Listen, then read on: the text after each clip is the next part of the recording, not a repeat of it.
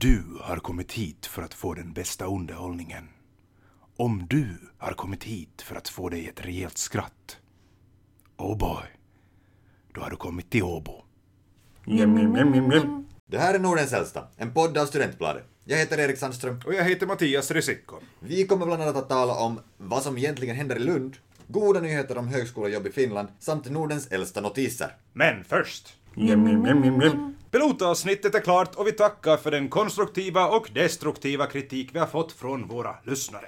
Vi har läst kommentarerna och vi har hört vad ni tycker och vi tar det till oss. Det där var en sådan magnifik företagsfloskel att jag nästan köpte den. Det är bra, för vet du, det är viktigt att vi har en transparent diskussion för att få till stånd synergieffekter. Snart ringer näringslivet och vill ha dig. Bra, för vi ska ha en högt till tak, men en väldigt låg tröskel. Nu är det dags för Nordens äldsta notiser! Nordens äldsta noterar att Åbo Akademi vill starta en ny barnträdgårdslärarutbildning på Åland tillsammans med Högskolan på Åland. Eller, det hävdar åtminstone Ålands Radio. Åbo Akademis rektor Mikko Hupa noterade också nyheten till sin stora förvåning och dementerade nyheten direkt. Vi noterar också att ÅA snart ska dra ur sig barnträdgårdslärarutbildningen i Helsingfors och flyttar sin egen utbildning från Jakobstad till Vasa. De vill alltså satsa alla sina barnskoleresurser i Vasa. Men hur ska det nu gå för, för barnen som vill ha utbildning i Jakobstad eller Helsingfors eller på Åland? Men Erik, barn behöver ingen utbildning, åtminstone inte på Åland. Där kan de istället ta del av journalisternas inbildning. Erasmus inbillar sig att få mera pengar från EU. De vill höja Erasmus budget tiofalt. Europeiska studentunionen vill att EU satsar tio gånger mer pengar på Erasmus-programmet. Att öka resurserna tiofalt skulle vara ett viktigt steg mot en europeisk identitet. Självaste Jean-Claude Juncker har sagt att Erasmus-institutionerna borde vara nio gånger så ambitiösa. En tiofaldig utgift var kanske inte helt vad han hade i tankarna. Kanske vi borde kräva tio gånger mer pengar för den här podden. I och för sig Mattias, men då måste vi ju vara nio gånger mer ambitiösa. Det stämmer, men kanske det går igenom om vi är typ nio gånger mer pretentiösa. Anspråksfullt noterar vi att Studentbladet har gett ut sin tidning. De flesta borde, gå, borde ha fått den utdelad i postlådorna vid det här laget. Jag skulle säga att det är en utmanande tidning med mycket material. Tidningen är också speciell för att innehållet utgår direkt från det som läsarna av Studentbladet ville att den skulle innehålla. Det förklarar alltså varför podden är så mycket bättre. Ja, vill du medverka i podden Nordens äldsta kan du göra det genom att skriva till oss. Tillbaks till tidningen. Den innehåller massa rykande aktuellt stoff. Jag rekommenderar hur man övertygar sin styrelse med ett tal, prisvinnande robotsegelbåtar på Åland och bildreportage om att lyfta till Indien och sen har vi ju våra tecknade serier. När du läser tidningen kommer du också att förstå dig på stora hjulet. Varför Arkadas nya rektor lämnar Helsingfors universitet och vad som händer med prepkurserna. Och den som inte får nog av tidningen så kan alltid läsa mer på webben. Exakt. Nästa tidning kommer i februari med någonting helt annat. Och till den tidningen så söker faktiskt Studentbladet en ny grafiker för januari månad 2018.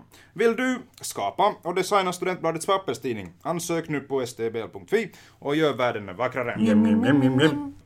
Arbetslösheten har minskat rekordmycket på ett år för högskoleutbildade. Lotta Savinko, chef för arbetslivsfrågor på Akava, förbundet för akademiker, säger att nu ska vi korka champagne. Om man tittar på alla liksom arbetslösa så det har minskat eh, minus 14 procent. Men eh, bland högutbildade, det är högsta någonsin den där siffran som arbetslösheten som har minskat helt hållet 15,8 procent. Och det är liksom väldigt positivt. Och vad beror det på? Antagligen på det att, att när ekonomin växer hela tiden så liksom den här efterfrågan det är just inriktat mot högutbildade. Att arbetslöshet har minskat och sysselsättningsgraden har vuxit. Men det som ska man komma ihåg när man tänker på högutbildade och arbetslöshet, så det som är konstigt med eh, just den här gruppen, och det är en sån där negativ trend, att liksom när arbetslösheten växer bland högutbildade och när det kommer den här positiva trenden, alltså den minskar, så den aldrig når den där tidigare nivån. Alltså om det har varit liksom före det här som började den här lågkonjunkturen kan man säga, var det nu 2010, 2011, Så, och då kan man säga till exempel att, att den där syssel, äh, arbetslöshetsgraden var minus, alltså det var 5 procent. Och nu fast ekonomin skulle växa och liksom äh, sysselsättningsgraden ska växa också ganska kraftigt, så det här trenden har alltid varit att vi, ska, vi når aldrig den där 5 procents, alltså arbetslöshetsgraden. Och det är bara liksom bland högutbildade och det är ganska konstigt. Vilken bransch lönar det sig nu att, att studera? Här är vissa skillnader i branscher också. No, det är ju det, och liksom, det är just det där att, att om man funderar att, att vad är det den här framtidens nyckel? Oberoende på vilken bransch eller vilken utbildning du har, det är just den där kompetensutvecklingen och liksom det där att, att man ska titta liksom lite så där bredare ut. Men äh, kan man säga att nu, nu är det närmast juridik, hälsovård, det är de där två närmaste. Och det har alltid varit lite så där om man tänker på naturvetenskap, humanistiska och sådana där utbildningen. Men det, beror, det, är ganska mycket, det varierar ganska mycket bland olika magisterprogram också. Att man kan inte säga att det här är inte det där som du ska inta. Men det är just det där att liksom utbildningarna, de utvecklas ganska långsamt. Om man tänker på det sådana där magisterprogram. Så det sker inte så himla mycket. Och därför är det också viktigt att individuellt utveckla den där, kan man säga, pimpa sina egen magisterexamen. Är det nu det som har hänt, eller tror du att det kommer att hända, det vill säga nu när den här arbetslösheten bland högutbildade har minskat jättemycket, är det bara ekonomin eller har vi också lärt oss någonting? Alltså framtidens Finland, det grundar sig på produktivitet. Och varifrån kommer produktivitet? Det är just den här kompetensen och kunskap och högre utbildning. Så liksom, liksom som slutsats kan man alltid säga att det som skyddar och gynnar, det är högre utbildning. Nordens äldsta noterar också att Vasa universitet har en vision för 2030. Har de, har de skådat in i framtiden? Vad har de sett i sin vision? Snarare har de tre visioner, varav ett eh, förslag är att slå ihop alla högskolor i Vasa till en. Det vill däremot inte Hanken. Det vill vara en stark och självständig handelshögskola. Vasa universitets studentkårs ordförande stöder däremot en sammanslagning. Och det gör säkert utbildningsminister Sanni Gran Larssonen också. För hon har nämligen en vision. Mer om det i nästa avsnitt. Då tar vi en titt in i framtiden. Ända in i framtiden, Erik. Jepp, ända in till året 2030.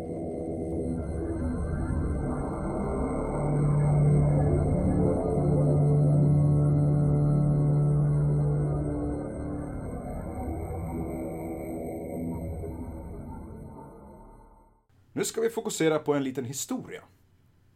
I Lunds universitet finns det en lektor vid statsvetenskapliga institutionen. Han heter Erik Ringmar. Till hösten 2017 ville han ordna en kurs som skulle bygga på konservativ litteratur från sent 1800 och tidigt 1900-tal. Det skulle bli en kurs om kritiker av det moderna samhället. Men kursen godkändes inte på grund av att den inte följde institutionens policy om könskvotering. Institutionen kräver att minst 40 procent av kurslitteraturen skrivits av kvinnliga eller manliga författare. Lektorn Erik Ringmar beskriver saken på följande sätt. Det verkar som om alla mörkblå bakåtsträvare var män. Kvinnorna, i alla fall de som uttryckte sig i skrift, var företrädesvis liberala och progressiva. Ringmar lyckades bara hitta en enda källa skriven av en kvinna. Mörkblå bakåtsträvande män och bara en kvinna. Det låter som en kurs om smurfarna. Men en kvinnlig författare räckte alltså inte till. Studierektorn ställde sig på tvären och institutionens kurslitteraturkommitté godkände inte kursens litteraturlista. Studenternas representanter kritiserade kursen för att ha brist på fokus på genus. Man nådde ändå en kompromiss. Kursen skulle godkännas på ett villkor.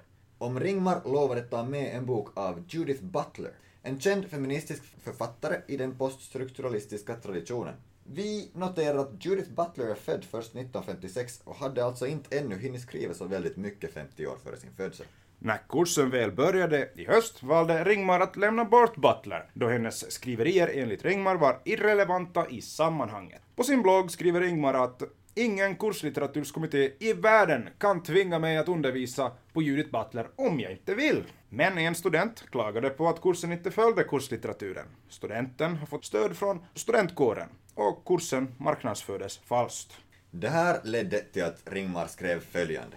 Jag har efter moget övervägande beslutat att inte ge kursen igen. Jag vill inte bli mobbad av studenter. Och jag vill inte att märkliga rykten ska spridas om mig bland kollegor. Sen fortsätter han. Synd tycker jag, eftersom fascismens framväxt är ett viktigt ämne, inte minst just nu. Oh boy då, den akademiska världen. Men sedan hände följande. Sen kommer Academic Rights Watch in, eller den akademiska högens klocka som man kan kalla det på svenska, och uppmärksammar denna händelse.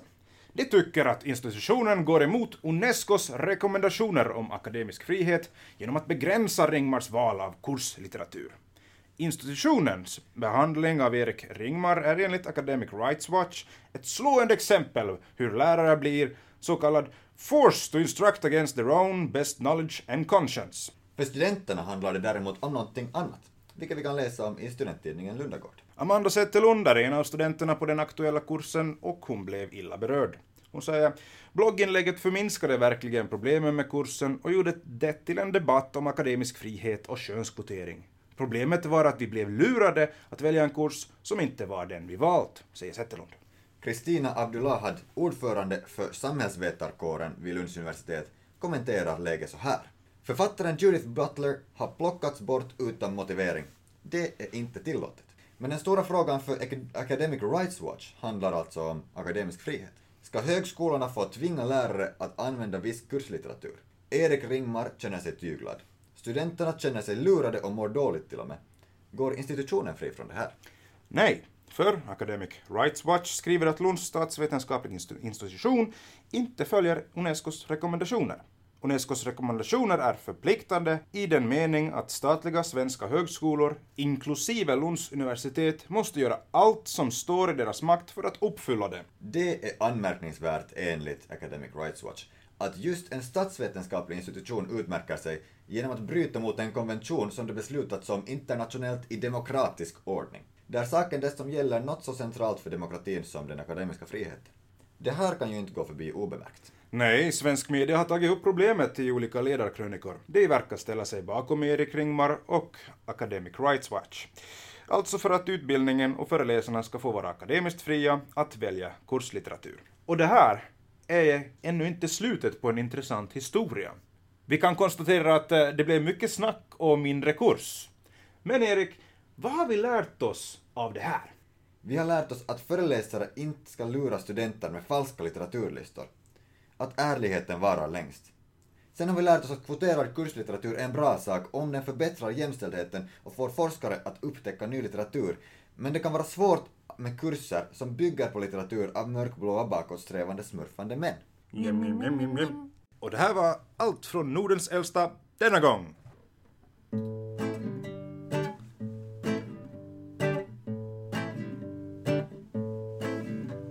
Nu som då så tänker jag på alla forna arbetslösa. Åtminstone på de som har skaffat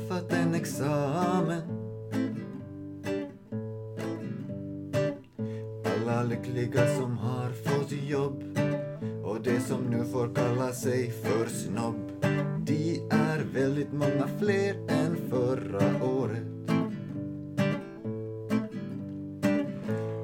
15,8 procent 7667 färre än förra hösten Men jag har inte fått något jobb Trots att statistiken låter underbar men jag räknas som ett mörkertal Jag sjunger om min olycka och min natten tills jag tappar rösten. Och champagnekorkarna flyger överallt men jag står ensam kvar. Jag står ensam kvar